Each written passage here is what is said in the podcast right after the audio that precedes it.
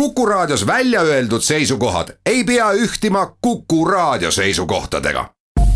Te kuulate Kuku Raadiot.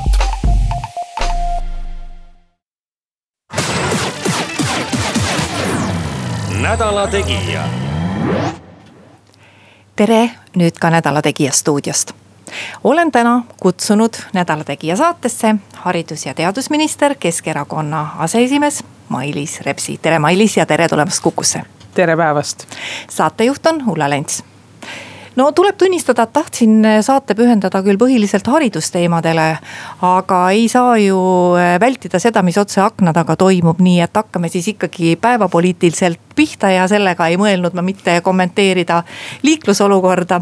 vaid eile toimus siis riigikogus äh, maaeluministri teemaline umbusaldushääletus, mis kukkus läbi, midagi, mida oli ka arvata Eh, kuidas meil nüüd pärast seda asjad edasi lähevad, et kas selle seisuga, kui sisuliselt riigikogu avaldas maaeluministrile toetust. me võime rääkida, et riigisekretäri uurimiskomisjonil maaeluministri erinevate asjade osas, mida on ka meedias esile tõstetud, on veel mingisugune mõte. või on praegu nagu üheselt see asi lõpetatud ja et koalitsioon töötab edasi no loomulikult koalitsioon alati töötab edasi, sest äh, meil on vaja väga palju igapäevaselt teha otsuseid ja, ja viia Eesti elu edasi, et selles mõttes ei ole ükskõik, mis skandaali valguses on või võib-olla raadiokuulajal on see oluline üle rõhutada, et igapäevased äh, toimetused ikka tehakse ära aga ei, vastupidi, see, et opositsiooni poolt sisse antud umbusaldushääletusel äh, ei olnud äh, koalitsiooni toetust, noh, see on täiesti arusaadav, sest äh, see on tavaline poliitpraktika, et koalitsioon hoiab kokku ja opositsioon siin temposid ei dikteeri. aga vastu võib-olla mõn-, mõn-, mõningaid kommentaare julgen teile kindlasti kinnitada, et äh, väga tõsiselt vaadatakse, missugused faktid ritta pannakse. sest vaidlus ei ole käinud ähm, koalitsioonis sees ja erakondade esimeste tasandil sugugi mitte isikuomaduste ümber, vaid faktide ümber. et kas ja millisel hetkel äh, oli siis maaeluministril info teada kas on küsimus ainult tema nõunikus, vaid või on siis tõepoolest nii, nagu äh, on paljudel inimestel veendumus, et maaeluministril endal on äh, vähemalt äh, segaseid vastuseid antud, kui mitte öelda, et võib-olla ei ole päris tõtt räägitud. et need faktid tuleb laua peale panna ja kõik koalitsiooni osapooled on öelnud, et kui on asi selge ühte või teistpidi, siis tehakse ka järgmine otsus. ja et suure tõenäosusega me räägime siis järgmise nädala lõpust ehk siis, et äh, ka EKRE on nõus sellega, et otsustatakse sõltuvalt sellest, mida näitab selle komisjoni töö. Jah, sest EKRE väga selgelt on välja öelnud, et äh, nemad ei tee oma erakonnas otsuseid ei äh, opositsiooni survest ega siis meedia poolt üles tõstetud teemadest, vaid nemad vajavad objektiivseid fakte. ja siis äh, nendel alustel saavad nad oma erakonna sees, oma erakonna liikmetega teha siis ka vastava otsuse no Mailis Reps, paljuski need faktid, mis äh, tulid sedapuhku maaeluministri noh, ütleme erinevate võimalike rikkumiste küsimuses välja, et need on tulnud ju ministeeriumist. et kas te ise mõistate seda, et äh, kui ühel hetkel ametkonnale, ministeeriumi töötajatele, kantslerile, asekantsleritele tundub, et minister, kes on tulnud ministeeriumisse, et ta ei käitu õieti, et see ei ole ainult pahatahtlik suhtumine, te olete ju ise samamoodi läinud ministeeriumisse ja te teate, et noh, te ei saa päris kõike teha, mida te tahate ja ilmselt see enamusel ministritel ei olegi sellist ambitsiooni, sest et ametnikul on oma töö, ministri ülesanne on viia ellu antud võimuliidu poliitilisi suuniseid ja neid viiakse ellu ju noh kui olemasolev seadusandlus võimaldab, siis selle piires ja kui ei võimalda, siis kõigepealt tuleb seadust muuta. no kõigepealt äh, eks väga palju on arutatud äh, peamiselt siis kantsleri äh, seisukohti siin maaeluministeeriumis. ja mina ütlen, et äh, seal ületati küll teatud piir et loomulikult, äh, kui me räägime, ma ei tea, kriminaaljuurdlusest Äh, võib-olla siin õiguskaitseorganid, võib-olla ka sisejulgeolekuorganid. ma räägin siin näiteks kaitsepolitsei või mingil muul, et siis loomulikult ametnik räägib täpselt nii, nagu faktid on nüüd, kui ajakirjandus küsib, siis võiks olla ka mingisugune noh, minu meelest kolmekümne aastaga on ikkagi välja kujunenud mingisugune maja eetika et, äh, et hoitakse kokku. Ähm, ma loomulikult ei ütle seda, et ükski ametnik peaks valetama, vastupidi, aga hoidutakse teatud asjade kommenteerimisest. et minu meelest see praktika on olnud läbi aastate, noh, ega maaeluministri ümber ei ole ju ainukene, et selliseid üsna kummalisi skandaale Eesti poliitmaastikul on kolmekümne aasta jooksul väga palju olnud ja, ja kui me mõtleme ka ajakirjanduse poole pealt või ka raadiokuulajana, siis äh, tavaline ametnik on äh, vastanud ja kõrge ametnikkond on vastanud näiteks ühel või teisel juhul, et see on poliitiline küsimus, seda ma ei kommenteeri. noh, ridade vahelt on sealt ju suhtumine aru saada, et noh, tõenäoliselt nad siis sel hetkel ei toeta ministrit ühes või teises otsuses. aga nad ei lähe nii kaugele, et, et võib-olla ka näiteks väga küsitavaid isiklikke kirjavahetusi välja saata, et, et siinkohal ma seda kindlasti taunin, minu meelest ei olnud see õige valik, ma oleks kindlasti ametnikuna teinud teised otsused. ja kui ma mõtlen näiteks oma haridus- ja teadusministeeriumi, kus ma nüüd olen neljas kord ministrina tagasi ja tõesti seda maja tunnen ka isiklikult. siis ma julgen kinnitada, et loomulikult on inimesi erineva poliittaustaga, on erineva maailmavaatega, ütleme siis viisakalt, nii vist on parem öelda. ja, ja ma tean ka, et põhimõttelistel teemadel on meil kohti, kus me hea meelega vaidleme ja, ja tõsiselt vaidlema, noh argumenteerima on vist Eestis ilusam öelda. ja, ja meil on ka selliseid põhimõttelisi seisukohti, aga ma ja ma olen ka nõus näiteks mingisugustel avalikel debattidel, et, et üks või teine ametnik näiteks, kui me oleme selle kokku leppinud, esitab mingit teist seisukohta. ma olen ministri ümarlaudasid terve rida ühe valdkonna piires, kus ka noh, ühe või teise osakonna juhataja ütleb, et jaa, et meil on siin selliseid või selliseid variante. see on kõik täiesti normaalne, sest nad on erialaspetsialistid. aga võib-olla jah, sellise, sellel tasandil, kus maaeluministri ümber toimus, ma seda päris ei mõista, jah. Kuidas on selles koalitsioonis töötada, et te olete mitme valitsuse liige olnud ja, ja te küll ütlete, et noh, et äh, võimuliit läheb edasi ja otsused tehakse koos, aga te ei saa ju ometi öelda, et, et see ei ole või et noh, et see koosseis on nagu selline tavaline, et see ei ole ju päris tavaline oi, koosseis on väga omapärane, et äh, kui ma peaksin äh, kuidagi äh, isiklikult seda kommenteerima, siis ütleks, et üsna üsna erineva maailmavaate ja võib-olla ka üsna erinevate väärtustega mm, noh, aluspõhimõtted on kokku saanud.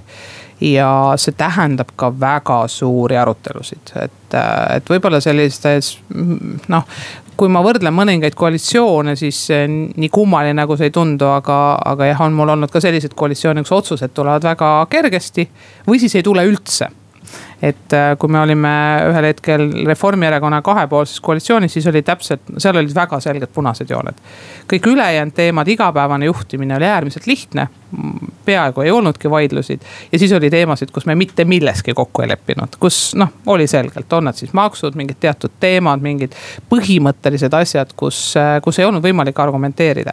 siis selle koalitsiooni ja või peaks ütlema ka, et Jüri Ratase eelmise valitsuse eripära on see, et ühtegi tabuteemat ei ole et äh, ei ole ühtegi, et äh, sa, sa võid tuua, noh, ma ei tea, tervishoiust lõpetades sotsiaalsüsteemini, isegi kui see on olnud nii aastakümneid, noh, võib-olla hea. või natuke vastuoluline näide on seesama pensionisüsteem, aga, aga kõigest räägitakse, aga räägitakse pikalt, väga detailselt ja vahel, vahel, vahel päevi. Eh, kas teid näiteks häirib see, kui eh, minnakse kohe teise ministri nii-öelda töömaile, et äh, ma toon teie töövallast sellise näite, niipea kui tuli arutelu alla see põhikooli riigieksamite lõpetamine, teatas äh, EKRE esimees otsekohe, et seda ei tule. No ütleme, et kuna ma härra Mart Helmega ja, ja teiste EKRE juhtliidritega väga palju koostööd teen, siis ma ütleks, et äh, minu jaoks ei ole see sugugi üllatav, et, äh, et äh, tegemist on sellise väga värvikate isikutega, kes väljendavad väga tihti oma isikliku seisukoha ära ja siis näiteks mõne nädala möödudes arutame, kuidas siis nüüd äh, võiks selle asjaga edasi minna, et, et selles mõttes äh, jah, võib-olla ma olen nii kaua juba poliitikas olnud, et ma ei võta seda väga isiklikult ja eks siis tuleb arutada, mida siis nende sõnavõttudega päriselt edasi teha. nädala Tegija ja Nädala Tegija saade läheb edasi, stuudios on haridus- ja teadusminister Mailis Reps ja üritame nüüd nagu haridusteemadel ka rääkida. et just selle nädala alguses Innove avalikustas eh, tänavuse aasta riigieksamite analüüsi. ja noh, eh, eks siis selle järgi pandi ka koole ritta kuigi jah, on ju korduvalt öeldud, et see võib-olla päris õiglane ei ole ja isegi mõned koolidirektorid ütlevad seda, et noh, et tore on küll, kui sinu kool on seal pingerea eesotsas. aga tegelikult me ju vaatame riigieksamite puhul ainult teatavaid õppeaineid, et kui me reastame riigieksami tulemuste järgi meie õppeasutusi. et see päris õiglane ei ole, sest terve suur hulk õppeaineid jääb kõrvale. ometi midagi see näitab no üks nüanss, mida me peame arvestama nüüd viimasel umbes viiel-kuuel aastal, et miks ka see aasta osad äh, üsna väikeste lendudega koolid äh, jõuliselt tõusid. on riigigümnaasiumite loomine ja kui luuakse suured koolid, äh, kus võib-olla endiseid kooli pannakse noh, kuus-seitse kooli ühes linnas, näiteks kõik sulgetakse, tuuakse kokku riigigümnaasiumisse. siis see variatsioon noh, ütleme natuke eriti akadeemiliselt tugevate keskpäraste ja võib-olla mõnes valdkonnas veidi, veidi nõrgemate õpilaste, see variatsioon läheb kõik ühte asutusse. Ja, ja kui me vaatame ka näiteks seda pikka debatti, et miks Jõhvi gümnaasiumi tulemused näiteks olid väiksemad kui Järve gümnaasiumil siis noh, koheselt me võtsime ka numbrid välja, noh tõesti see nii ka oli, et, et väga, väga suur variatsioon, et, et noh. ega riigigümnaasiumites on endiselt see, see tõeline tipp olemas, aga nad lihtsalt hajuvad seal, seal ära. nii et see on üks põhjus, miks, miks ütleme, et kui väikese lennuga koolil, sul on seal üks-kaks väga-väga tugevat lõpetajat üliheade punktidega. siis sa tõmbad selle kooli edetabeli nagu kõrgemaks. et jah, ministeerium on tõesti aastaid proovinud tuua siia alternatiivi negatiivseid edetabeleid, öelnud, et äh, tegelikult peaks hindama teisi asju. Ähm, kolmas osapool ütleb, et tegelikult gümnaasiumid äh, teevad selle lapsega tööd vaid kaks pool aastat. Äh, reaalselt peaks hindama hoopis neid põhikoole, kust need lapsed kõik kokku tulevad, näiteks eriti Treffneri puhul on see selge, et ta ju toetub põhimõtteliselt kogu Lõuna-Eestile. lapsed tulevad kogu Lõuna-Eesti piirkonnast. nii et eks ta, eks tal ole erinevaid osapooli, aga peab ka tunnistama, et põhihariduse järgne õpe keskhariduses on võib-olla see, kus järgmistel aastatel kõige suuremad muutused on ees. Ehm, tõsiselt ju arutatakse seda, kuidas teha paremat koostööd tööandjatega, ülikoolidega, kutsekoolidega, palju aastaid on räägitud.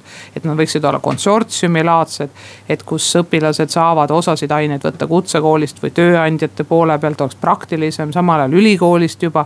nii et ehm, see ei ole selline revolutsiooniline, aga, aga ütleme tõenäoliselt selline riigieksamite osakaalu määratus äh, väheneb ja hakkavad võib-olla näiteks tekkima tööandjate edetabelid edetabelid või.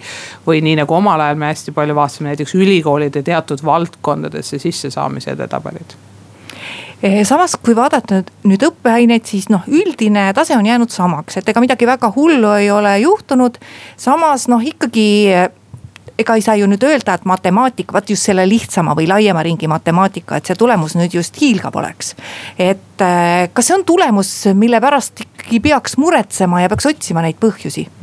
no matemaatika ja üldse reaalained on, äh, on, on Eestis kindlasti üks teema, mis on väga murettekitav. kui ma räägin nagu probleemidest, siis kindlasti äh, reaalainete no ütleme, usk reaalainetesse, õppimine, tugi sellesse, õpetajate keskmine vanus, no kõik need puntrad tulevad siia kokku.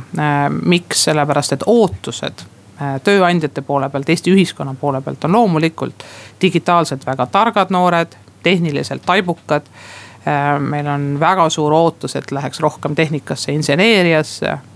meil endiselt räägitakse, et Euroopas on kolmkümmend tuhat äh, IT-spetsialisti puudu ja see kõik vajab matemaatika alus äh, vähemalt, kui mitte armastust, siis vähemalt leebust matemaatika suhtes. ja samal ajal me näeme õpiraskuste puhul ka need, kes tulevad Rajaleidjasse väga selgelt on äh, peamine, esimene, see nõrk koht lööb välja matemaatikas, nii et äh, sellist äh, üldist õppeaine noh, ütleme teemat ja debatti matemaatika ümber on väga-väga palju no samas ma tean, et õpetajad teinekord kurdavad, et vot just need õpilased, kes lähevad sinna Rajaleidjasse. et, et kui õpilane ei saa hakkama või see esitatud või tase on talle ikka kõrge, siis öeldakse seal, aga laske taset allapoole ja õpetajaid teeb murelikuks see, et tase lähebki lõpuks liiga alla.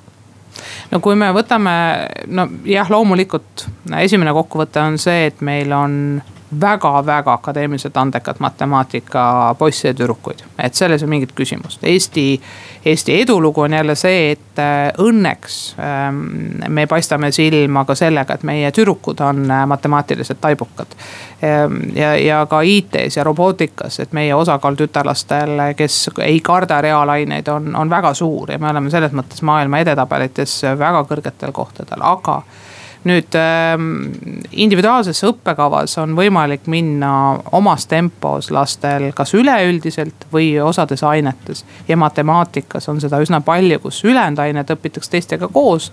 aga matemaatikas omas rühmas, väga paljud koolid on teinud tasemerühmad erinevaks põhikooli lõpus kus äh, osad õpilased õpivad omas tempos ja teises, teises ja ei ole ka saladuseks et üks osa sellisest äh, põhikooli lõpueksami nagu murest on tulnud ka sellest, et matemaatika käib ähm, sellel eksami lati tasemel paljudele kahjuks üle jõu. mis me teeme? no esimene osa on äh, kindlasti mitte see, et me peame üldist latti alla laskma, vaid eks me aina enam ja enam ka näeme matemaatikaõpetajatega koos, et äh, kuidas veel rohkem teha ta nii, nagu lapsed ise ootavad, et reaaleluga sarnasemaks täna räägiti olümpiahotellis äh, investeerijate eesotsas ja naisinvesteerijate investeerimisklubi eesotsas seda, et kuidas finants ähm, ja ütleme, kirjaoskust tugevdada. kuidas üldse lastele anda neid oskusi, et, et mida rohkem me teeme ta praktilisemaks ja reaalsemaks. ja anname sellised baasteadmised äh, koos sellise käeulatusega. et loodame, et selle kaudu ja, ja loomulikult pidev õpetajate toetamine nädala Tegija. nädala Tegija saade läheb edasi, stuudios on haridus- ja teadusminister Mailis Reps ja meie jutt jäi enne Kuku raadio pooleseid uudiseid pooleli riigieksamite juures. Eesti keele tase riigieksamite analüüsis ütleb, et on selline nagu eelmistel aastatel. see on seal punktide arvestuses kuuskümmend kaks ja et et äh, sellega enamasti ollakse rahul, kas me võime sellega olla ikkagi rahul, et kuuskümmend kaks, ma vaatasin siit eraldi, et äh, kui palju meil õpilasi sooritas selle eksami üldse ja noh, maksimumpunkte äh, sai seal vist kümmekond nendest tuhandetest, kes sooritas. ma ütlen ausalt, ma olen, ma olen paaril aastal proovinud teha seda eesti keele riigieksamit, minu meelest on see ülilihtne.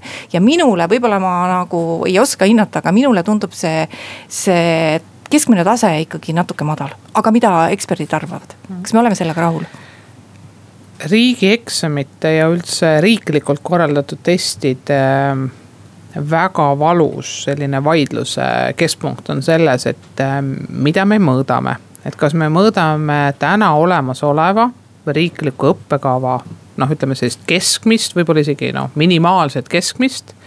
või me tegelikult tahame nende testide kaudu leida üles eh, ka selle tipu ja, ja see on selline iga-aastane vaidlus, miks need punktid ka aasta-aastalt kõiguvad, need keskmised, eh, need kaared kõiguvad, ongi see, et tegelikult see surve. näiteks ülikoolide poolt gümnaasiumi lõpus ja põhikoolis siis gümnaasiumite poolt. on see, et nad tegelikult tahaksid näha ühes või teises aines või valdkonnas siis neid, neid erilisi tähti ka. ja, ja selle tõttu tõttu pannakse sisse kas natuke keerulisemaid küsimusi, hinnatakse mõnda nüanssi, mida hiljem me teame, siin on olnud ka vaidlusi, et kas selle eest tohiks üldse punkte panna või mitte. näiteks eesti keeles äh, teatud äh, äh, küsimusi, mis on üsna subjektiivsed, me teame, eelmine aasta tõusis see üles miinaarmaga seonduvalt. aga, aga tahes-tahtmatult selliseid ähm, aspekte pannakse sisse, mina ise ei ole loomulikult ühtegi testi kunagi koostanud ja ei räägin seda, mida eksperdid lauale toovad. aga siiski see, see, see see põhjus, miks meil ei ole valdav enamus seal üheksakümne protsendi juures. Ähm, on natuke ka selles, et, et püüa, püütakse ära diferentseerida ja see keskmine kuuekümne, ähm, natuke seitsmekümne ligi väidetavalt on täiesti normaalne ja sellepärast äh, ei tooda ka siin nagu sellist erilist murekohta välja. meil on olnud aastaid, kus näiteks inglise keel on väga kõrgete punktidega ja siis järgneb aasta, kus see langeb näiteks kuuekümne ligi. see on see, et tehakse lihtsalt äh, lisa ja keerulisemaid ülesandeid või hindamisaluseid juurde no hästi palju emotsioone on üles kütnud nüüd ettepanek lõpetada põhikooli riigieksamite tegemine. ja kui ma siin istuksin ainult ajakirjanikuna laua taga ja loeksin pressiteateid, siis mulle jääks mulje, et äh, enamus õpetajaid on selle poolt, et need äh, riigieksamid peavad jääma. kui ma nüüd oma isiklike tuttavate õpetajatega olen rääkinud, siis nemad jälle ütlevad, et et nemad ootaksid pigem ära, missugused on need Innove välja töötatavad testid ja otsustaksid siis, et nad ei ole nagu, ma ütlen, et need on nagu sellised isiklikud jutuajamised, et nad ei ole kindlalt selle vastu, et riigieksamid põhikooli lõpus ära kaotada. et eh, kui kaugel me nende testidega oleme ja kui kaugel me nüüd nagu üldse kogu selle protseduuriga oleme? no esimene ja kõige olulisem võib-olla, et asjad oleks selged, et eh, raadiokuulajale öelda, siis poliitiliselt on otsustatud, et riigieksameid vähemalt lähimatel aastatel sellisel kujul ei kaota ja millest me siis räägime, tegelikult põhimõtteliselt me räägime eesti keelest ja matemaatikast. Eesti keel kui selline ei oleks niikuinii kadunud, see oli juba seaduseelnõus kirjas, et eesti keel nii eesti keelena kui eesti keel võõrkeelena siis venekeelsetel koolidel kohustusena säilib. nüüd on sellele lisandunud siis kindel teadmine, et soovitakse säilitada ka kogu ähm, äh, siis õpilastele kohustuslikuna matemaatika. aga kui, kui lubad, ma ühe äh, lause läheksin tagasi et see põhjus, miks me sinnani jõudsime, et võib-olla natuke lihtne on olnud, et jäävad, ei jää. on olnud see, et me täna hindame, jah, meil on olemas ka üksikud tasemetööd, aga me hindame tegelikult riiklikul tasandil õpilaste teadmisi reaalselt üheksanda klassi lõpus et äh, ühtlaselt ja ühetaoliselt äh, nende riikliku testina. ja see on, seal on väga palju puuduseid, miks me ütleme, et üheksanda klassi lõpus, kui see laps tegelikult väga paljudes koolides lahkub ja, ja see tagasisidestamine, et lapsevanem saaks võrrelda, riik saaks võrrelda, kool piirkondlikus võrdluses. ja nüüd me oleme juba paar aastat teinud teistel alustel, uutmoodi alustel riiklikke teste mis on natuke sarnased tasemetöödele, aga nüüd veidi laiendatud. ja kui esimene aasta oldi üsna ettevaatlikud, eriti kuna nad olid digitaalsed, seal oli üsna palju puudujääke, siis e, siis sellel aastal näiteks juba soov osaleda on tõusnud juba üheksa tuhande ligi. see näitab, et usaldus selle vastu, et ma tahan seda tagasisidet. eriti kuna ta ei mõjuta sinu hinnet, äh, on nii lapsevanemate, õpilaste kui ka loomulikult õpetajate, koolide poolt. ja mida me nüüd äh, püüaksime välja pakkuda, on igal juhul tuleb ära lahendada see küsimus. et kui täna teevad noored gümnaasiumisse sisseastumiseksami kui, kui põhikooli lõpueksamil või gümnaasiumi lõpueksamil on siiski suur osa ja roll see, et nad astuvad ka ülikooli. siis põhikooli lõpus võiks olla siiski ka järgmine aste, me tahame, et kõik põhikooli lõpetajad lähevad edasi, kas siis kutseharusse või gümnaasiumiharusse. ja seetõttu igal juhul tuleb meil leida see lahendus, mitte küll see aastaga, aga ütleme järgmistel aastatel, et kuidas tuua gümnaasiumisse sisseastumine ja põhikooli lõpueksamid rohkem kokku. kas me saame päris ühe eksamiga lahendada, tulevad sinna gümnaasiumite poolt mingid lisatestid, lisaküsimused. aga, aga teha näiteks samas matemaatikas kahekuuse vahega kaks korda eksamit ei tundu päris põhjendatud. ja nüüd sellele lisaks tahame me ju nii või teisiti kolmandas, kuuendas ja üheksandas klassis vaadata selle antud lapse arengut. vähemalt eesti keeles, matemaatikas, aga suure tõenäosusega me tahame ka sotsiaalainetes. ja me tahame ka tegelikult reaalainetes rohkem kui matemaatikas, me tahame tuua juurde teadmiste kontrolli füüsikas ja keemias, äh, bioloogias. Äh, äh, tahaksime teada, kuidas ta geograafias hakkama saab. nii et reaalselt me tahaksime hinnata lapsi rohkem, aga kui see vaene üheksanda klassi õpilane teeb kahekuuse vahega nii niikuinii juba kaks korda sellesama eksami ikkagi enamik ju teevad, siis, äh, siis neid rohkem kokku tuues me saaksime lisada siia näiteks sotsiaal- ja reaalainete lisateste sellesse samasse aastasse. ja ka võib-olla neid teste hakkavad rohkem gümnaasiumid arvestama. aga lihtne vastus oleks teile, see aasta ei juhtu midagi, läheme aruteludega edasi kindlasti kaasamine oli poolik, me peame rohkem õpetajaid nii ühelt kui teiselt poolt ära kuulama. ja nii nagu te väga ilusti, kenasti sisse juhatasite, arusaamad ja seisukohad on äärmiselt erinevad no tuleb tunnistada, et äh, ma ise tunnetasin seda, kui minu lapsed põhikooli lõpetasid ja olen ka kolleegidega rääinud, rääkinud, kes sedasama teekonda on läbi käinud. et kõige hullem hetk üleüldse on see põhikooli lõpetamine, kui ühelt poolt käiakse ja tehakse igal pool äh, gümnaasiumites ja Tallinnas ju lapsed käivad mitmes koolis neid katseid tegemas. viis-kuus eksamit. samal ajal on äh, see kooli lõpp, et minu meelest see ülikooli astmine, astumine ei olnud üldse pooltki nii keeruline, kui see põhikooli lõpetamine ja gümnaasiumisse astumine. jah, et, et äh, pean tunnistama, et natuke selles debatis äh, asjad vist kiskusid selliseks natuke mustvalgeks ja võib-olla ka emotsionaalseks, aga kui me läheme selle sisu probleemi juurde, siis on tegelikult mitte küsimus see, et meil on lumehelbekesed ja lapsed ei taha õpet. on on mõtestatud, meil hariduses peaks olema kõik mõtestatud ja kui põhikooli lõpus riiklik test hindab selle lapse teatud aastat, siis seda me tahame laiendada sellega oleme, ma usun, osapooled kõik nõus.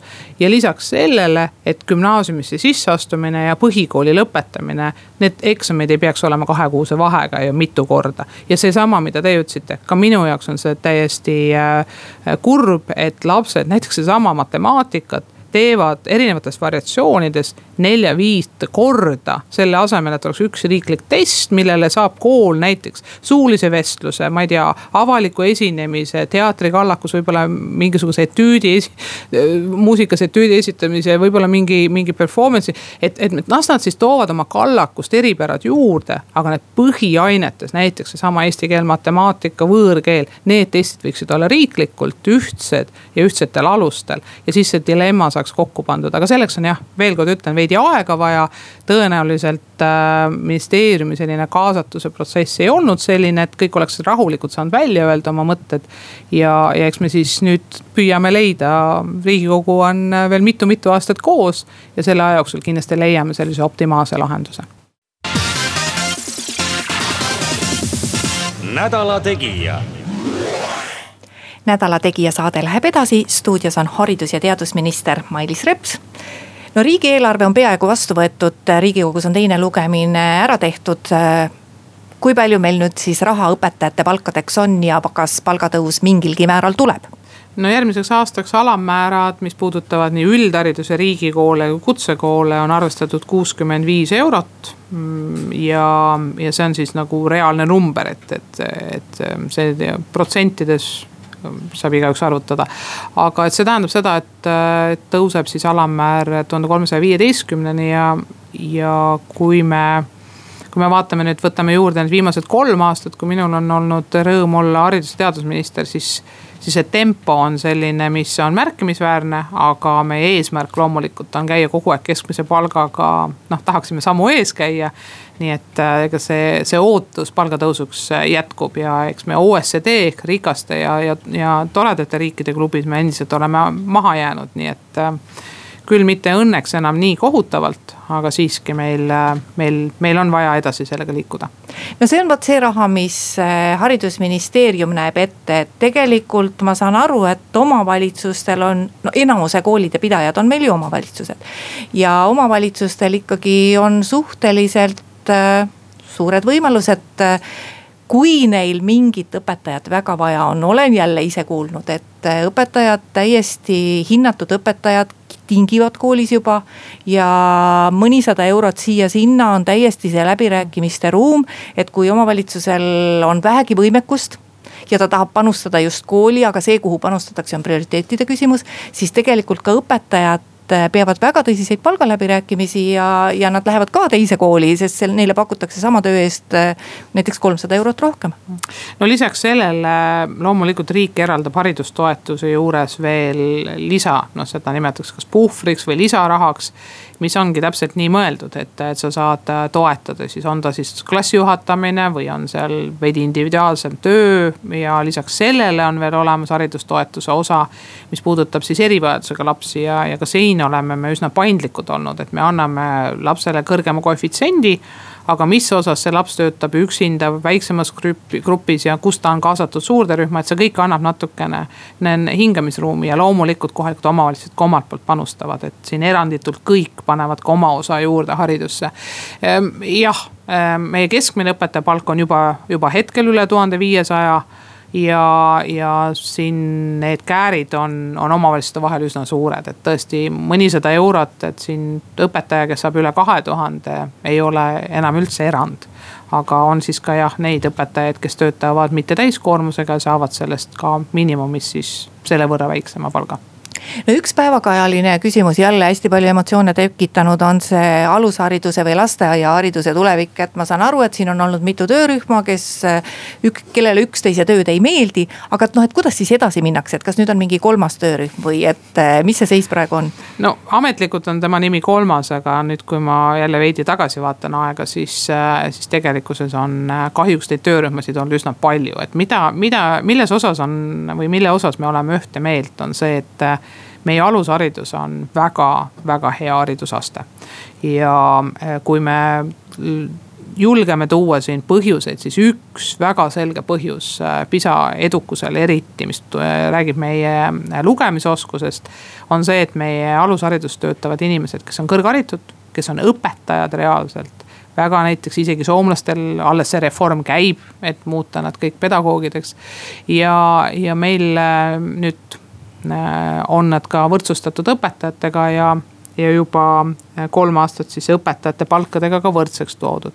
Need sammud näitavad seda, et me hindame alusharidust. see debatt, mis käib nüüd õppekava ja uue seaduse ümber. noh, kui ma tohin niimoodi öelda natuke üldistatult, ma väga vabandan spetsialistide ees. on, on selline see osa, mida võib-olla õpetajad igapäevaselt ei tunnetagi, et, ähm, et kas seal õppekavas on nüüd sees liikumine muusikatahtel ja, ja saatel. plaksutame rütmis või on see nüüd täpsemalt kirjeldatud, millised oleks soovituslikud laulud või kas laps peab lihtsalt oskama muusikataktis äh, teha teatud asju või on see just kaerajaan, mida ta selgeks õpib. et ma jätaks selle spetsialistide vaidluseks, et kui täpne, kui lahti lahti, kui kinni, kui, kui palju õpetajale selliseid suuniseid anda aga meie hariduse väga selge eripära on see, et õpetajal ole lõplik sõna, õpetaja lõpuks saab selle autonoomsuse. me usaldame teda kui spetsialisti, nii et isegi kui seal õppekava ütleb, et soovituslikult lisaks üldisele muusikataktis liikumisele võiks kaerajaani osata. ja kui see õpetaja nüüd ikka kaerajaani ei taha õpetada, siis ükski inspektor seda kontrollima ka ei lähe. nii et, et ütleme, et, et see on selline, selline debatt, aga noh, ütleme jah, et osa, mida ma, mida ma julgelt saan öelda, et äh, seal on erinevad arusaamad äh, kui täpne see õppekava peab olema ja on ka väga selgelt, et äh, mindi sellistesse nüanssidesse vaidluses ja väga emotsionaalselt, mis kindlasti ei olnud vajalik, et. keegi ju ei mõtle, et mitmekeelne laps päriselt on Eestis mingi probleem kui selline. vaid mida töörühm püüdis öelda, on see, et meil on palju mitmekeelseid lapsi, mitte enam kahekeelseid, vaid just mitmekeelseid. ja need vajavad õpetajalt eraldi tuge ja meil on vaja riiklikult läbi mõelda, kuidas me saaksime neid õpetajaid rohkem toetada täiendkoolituse ja muu osas. sõnade nüansid olid need, mis emotsioone tekitasid, aga eesmärgis on kõik ühte meelt. Eh, kui kaugel ollakse sellega, et otsustada ära eh, missuguses keeles hakatakse õppima Narva riigigümnaasiumis ohohoo, Narva riigigümnaasium on nii algfaasis, et noh, tõesti, me oleme ruumiplaanist rääkinud. Ähm, noh, mis, mis, mis riiklik äh, seadusandlus ütleb, on, et vähemalt kuuskümmend protsenti peab olema kõikides ainetes äh, eesti keeles nüüd lähenemised selles, äh, selles osas on üsna erinevad olnud, et kui me vaatame osad õpilased, kes tulevad venekeelsetest perekondadest ja tulevad näiteks eestikeelsesse kooli, alustavad kohe eesti keeles siis on mõned koolid, kes on sellised segud, kus väga suur osa alguses äh, õpitakse küll vene keeles, aga ained, äh, ainete kõrval on intensiivne eesti keele õpetus. ja siis on ähm, neid katseid, kus nüüd üldiselt ja kohe alustada äh, osade ainetega, nii nagu me näeme Kohtla-Järvel, kohe eesti keeles osad ained töötavad seal ka vene keeles ja siis sinna juurde tuleb intensiivne eesti keele õpetus. milline saab olema täpne see rütm, noh, me selgelt läheme veel venekeelsemasse linna kui täna Kohtla-Järvel on see kaheksakümmend kaks protsenti, siis äh, nii nagu me teame, Narvas on see protsent pigem tõusnud, et me räägime seal ikkagi vaid mõnest protsendist eestikeelsest elanikkonnast. ja siin sellise lahenduse leidmine, kuidas toetada lapsi, kellel võib-olla keskmine eesti keele eksami äh, osa ei ole eesti keeles nii tugev, aga see, et seal on äh, väga suur osa eestikeelsel õppel vähemalt viimasel gümnaasiumi otsas, see on selge. nii et äh, ma julgeks täna vastata, et tõenäoliselt me räägime siiski sellisest esialgselt võib-olla pool ja pool ja viimastel aastatel pigem eestikeelsest, aga me ei ole jah, ei õppekava ega spetsialiseerumise tasandil gümnaasiumis selleni veel jõudnud. ja ongi meie saateaeg läbi saanud aitäh tulemast Kukusse haridus- ja teadusminister Mailis Reps. saatejuht ütleb siinkohal aitäh ka kuulajatele kuulamise eest. aitäh ja kõigile. järgmine Nädala Tegija on eetris juba nädala pärast, kuulmiseni. nädala Tegija